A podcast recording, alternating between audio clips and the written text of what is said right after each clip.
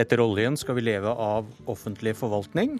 For første gang på over 20 år består over halvparten av norsk verdiskapning av offentlige utgifter. Er løsningen å fjerne over halvparten av partiene på Stortinget? Ja, hva har budsjetthøsten lært oss? Velkommen til Politisk kvarter, Aksel Brånen Sterri, kommentator i Dagbladet. Takk skal du ha. Vi trenger sterkere regjeringer i Norge, skriver du. Hva mener du med det? Ja, det er nettopp dette som du trekker opp, at vi bruker veldig veldig mye penger. Eh, og vi har selvfølgelig en regjering eh, med et Fremskrittsparti som ikke er spesielt opptatt av å kutte i offentlige utgifter. De vil gjerne ha i posesekk. De vil kutte skatter og kutte i offentlige utgifter, og det blir selvfølgelig dyrt. Men i tillegg så skal de selvfølgelig samarbeide med to samarbeidspartier som er ganske ulike, KrF og Venstre, som ikke deler så mye med Frp. Og det blir da selvfølgelig, selv om vi har da et Venstre som ønsker å kutte i oljepenger, det tviler jeg ikke på i det hele tatt, men så blir det da en, et spill mellom disse to, eller disse to partene, som ender med at man bruker veldig, veldig mye penger. Hva betyr det norske partisystemet? Ja, eh, og det er på en måte fordi det er lett å se at måte, her er det bare enkeltpartier her som har ulike meninger, men det er selvfølgelig et mer grunnleggende problem. Og det kan vi bare se tilbake. altså Det er en ganske nylig periode nå, med den åtte år med rød-grønn regjering først, fra 2005 til 2013. Og man hadde en flertallsregjering, men før det hadde man 20 år med mindretallsregjeringer, svake mindretallsregjeringer. Og det er et problem med det norske systemet. Man har veldig, veldig mange partier. Man får, dermed, man får dermed svake regjeringer. Og man har dårlige spilleregler for å styrke regjeringen, f.eks. nettopp i eh, budsjettforhandlingene. Og når det nærmer seg trangere tider, da må noe gjøres? Det er det som er problemet. For nå kan man jo smøre dette samarbeidet mellom da ganske ulike partier eh, med oljepenger. Man kan gi litt til alle. Men når man begynner å kutte ned på disse oljepengene, så blir regjeringssamarbeid bare vanskeligere og vanskeligere. Så vi må finne på et eller annet for å sørge for at regjeringen som kommer framover, eh, vil være bærekraftig, vil være flertallsregjeringer som er sterke. Eh, og der kan vi tenke oss litt ulike løsninger. Vi kan gjøre noe med budsjettprosessen som sørger for at det alltid vil være et budsjett uansett. Eller gjøre noe med voteringen. Eller vi kan begynne å innføre, som det har vært diskutert, type innsettingsvedtak som man aktivt må støtte eller stemme for en regjering, sånn at man har forpliktet seg i større grad til å støtte den regjeringen. Eller man kan tenke seg selvfølgelig å heve sperregrensen, eh, slik at de små partiene eh, i større grad vil dukke under og bli mindre enn det de er i dag. Ja, Vi må finne på et eller annet. Bjørn Kristian Svendsrud, formann i Fremskrittspartiets Ungdom. I dag har vi en sperregrense på 4% Hva mener du den bør være? Nei, altså Jeg syns det er en veldig interessant debatt som Sterri tar opp. Eh, jeg er også enig i mye av problemstillingen hans. Eh, og det er klart at eh, hva den skal ligge på, om den skal være på 5, 6 eller 8% altså, det er jo et spørsmål i seg selv. Men at, den, at, vi bør ta en diskusjon på at den bør heves, det må vi absolutt gjøre. For det vi alltid må stille oss spørsmål om, er jo Hvilket politisk system er det som fungerer best for velgerne der ute? hvilket system er det som best ivaretar folkets flertall. Eh, det er jo det som på mange måter er eh, bakgrunnen for å ha et demokrati. Eh, og dagens system er jo på mange måter designa for å skape politiske tapere. Det er designa for å skape På hvilken måte? Nei, altså, du, du vil få løftebrudd. Fordi du vil aldri ha ett parti, eller eventuelt to partier, som eh, har det sitt eget prosjekt, eh, sitt helt eget prosjekt, som Eh, landsmøtene til partiet vedtar, som man går til valg på. Men man får alt, pga. systemet så får man en situasjon hvor det altså er ingen partier som greier å levere på sitt prosjekt, og da vil du få løftebrudd. Og igjen så er det da et system som på mange måter lager grobunn for politikerforakt, fordi politikere lover og lover, men så greier man altså ikke å gjennomføre det velgerne ønsker. På Aftenpostens måling i går, som vel er den siste vi har, så ville da bare fire partier nådd opp hvis du hadde hevet eh, sperregrensa til fem. Og til åtte, da hadde også Senterpartiet forsvunnet. Da hadde det bare vært, eh, eh vært Frp, Høyre og Arbeiderpartiet igjen, bortsett fra da noen direktemandater, kanskje. Men Sveinung Rotevatn fra Venstre, lite parti, stor makt. Men noe sier meg at du ikke syns det er et paradoks? Um, for, for, å ta, um, ta, dette med makt, da. Eh, nå sitter Frp i regjering. Det medfører en god del makt. Og Frp har 460 000 velgere, så det skulle bare mangle at de blir hørt. Men Venstre og Kristelig Folkeparti har 300 000 velgere. Eh, og jeg mener også at de eh, har en rett til å bli hørt og være med å påvirke. Og dersom en skulle heve sperregrensa til f.eks. 6 da, som Svensson nevner, så ville altså 836 000 stemmer i forrige stortingsvalg vært bortkasta stemmer. Det tilsvarer alle stemmene i Oslo, Men da ville vi blitt Akershus og Sør-Trøndelag. Men da, da ville vi vel måtte ta stilling til noen av de store partiene og valgt seg et hjem der? Da ville en beveget seg mot et system med færre og store partier. Men så er jo liksom argumentet her da er jo at det skal gi mer stabilitet. Jeg er veldig usikker på det. Jeg tror at det at du har mulighet til å stemme på ulike partier, det gjør at ulike strømninger i befolkninga kan komme til uttrykk, bli representert, være med å påvirke. Og de konfliktlinjene som ligger bak at du har ulike partier, vil jo ikke forsvinne eh, ved at du velger et annet valgsystem. Altså Folket vil jo ikke endre seg fordi du endrer valgsystemet. Da vil bare de konfliktene bli flytta inn i de store partiene. Og da kan du jo få situasjoner, slik du har sett i flere land, at eh, ulike strømninger som ikke har følt seg representert, bygger seg opp som en trykkoker til de plutselig tar over etter de store partiene. Slik vi har sett f.eks. i USA, eh, og også tendenser til i Storbritannia med denne brexit-bevegelsen innenfor det konservative partiet. Så jeg tror at det at du har flere partier som folk kan stemme på, at folk kan føle seg representert, faktisk er konfliktdempende og fører til mer stabilitet, ikke mindre stabilitet. Hva tenker dere om den trykkokerteorien som, som Rotevatn nevner her? Jeg først. først at det, det, det å øke sperregrensen vi er jo ikke det samme som å si at man da skal forby små partier. Eh, altså Man har fortsatt muligheten til å stemme på små partier, og de kan fortsatt være representert.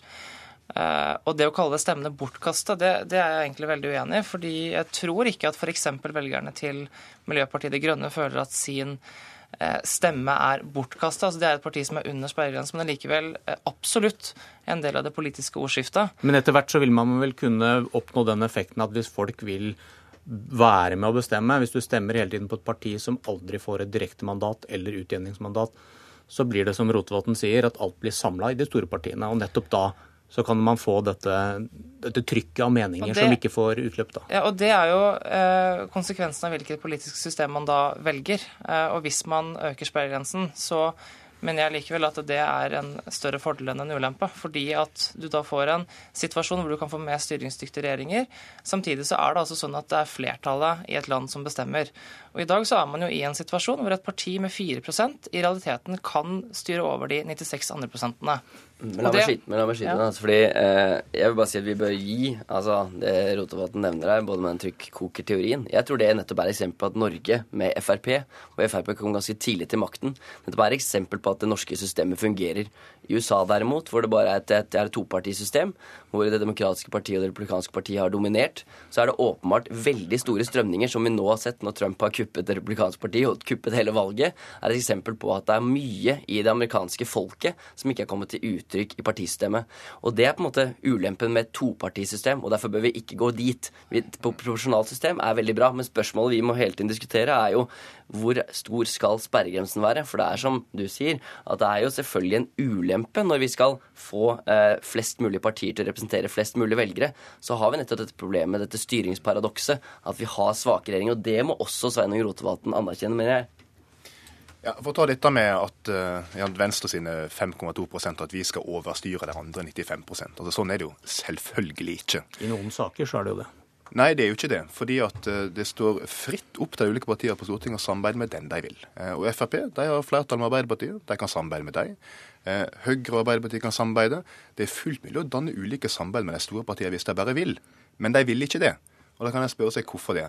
Og dette henger jo sammen med hvor er du det mest politisk enig? Og det har seg jo en gang slik at Høyre og Frp finner mest enighet med Venstre og med KrF, og derfor søker de å samarbeide med oss helt frivillig. Og Det fører jo også til at folkets vilje gjennom et reelt flertall på Stortinget kommer til uttrykk. Og det er ikke udemokratisk, det er tvert imot demokratisk. Ok, vi, vi, vi begynte, Utgangspunktet var, her var litt pengebruken som veldig mange etter hvert er opptatt av, at det ikke er bærekraftig. og så kom SSB med tall i går. Over halvparten av Norges BNP, eh, verdien av det vi produserer, er nå offentlige utgifter. Og så har vi Venstre, som vil bruke mindre penger, men har stemt for budsjetter som øker pengebruken i fire budsjetter på rad, Rotevatn. Eh, Er heller ikke det et paradoks for deg? Jo, til en viss grad. Og jeg skal vedgå det at det er klart at det er vanskelig som et opposisjonsparti å gå i budsjettforhandling med regjering med mål om å få ned pengebruken etter at regjeringa allerede har lovt vekk alle disse pengene og skapt store forventninger. Men da lurer jeg på hvorfor det. Fordi dere har jo fått gjennomslag for masse saker som koster penger disse årene. Ikke minst kollektivsatsing, som dere ofte skryter av. Og da har dere valgt milliarder til kollektiv, istedenfor å si at Venstre ønsker heller gjennomslag for å ikke bruke disse pengene. Det er et valg.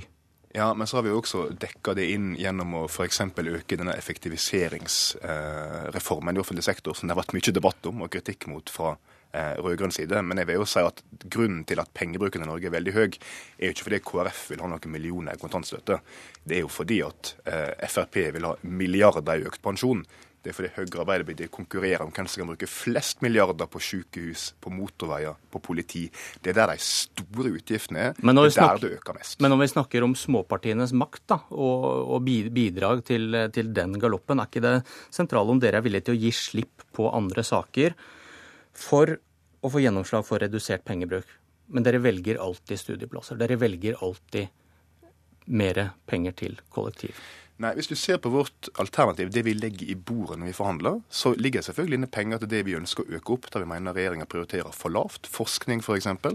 Men så legger vi jo også inn kutt i ganske betydelig grad. Vi får foreslår et mindreforbruk av oljepenger på nesten 7 milliarder Men dere, kroner. dere kommer aldri ut av det forhandlingsrommet, i hvert fall ikke disse fire årene, og sagt at se, vi klarte å spare, spare offentlige utgifter for 500 millioner. Men- Den men- seieren har jeg aldri hørt. Nei, men da har jeg en løsning, og det er kanskje at velgerne kan gjøre Venstre til et enda større parti. Da kan det godt være at vi får mer ansvarlige budsjett. Men du må ta ansvar for de valgene dere faktisk tar, gjør i vi, vi tar ansvar for de valgene vi har tatt, det vi står bak. Og så vil jeg også si at Venstre har ikke vært med på å øke oljepengebruken i et eneste budsjettforhandling med regjeringa. Dere har stemt for det. Nei, vi, ja, men De har foreslått det, men vi har ikke økt har opp stemt når det. vi har forhandla okay. med dem. Ja. Og Det mener jeg faktisk er ganske viktig. Svensrud, eh, ditt moderparti Frp gir milliarder til pensjonistene. De vil fjerne handlingsregelen for bruk av oljepenger. Og så leser jeg ditt program, Fremskrittspartiets Ungdom, og hører dere snakke om at staten bør ha så få oppgaver som mulig. Er du, er du helt sikker på at du er i riktig parti? Og ja, absolutt.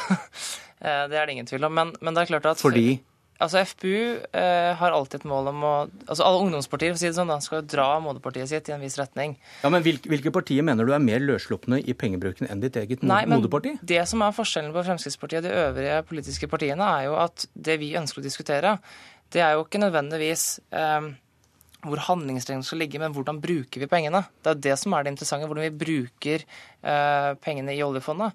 Eh, og hvis så lenge vi bruker det på investeringer i norsk velferd, i norsk infrastruktur Så er det eh, greit at Frp vil bruke mer penger enn alle andre? så handler det om hvordan man bruker pengene.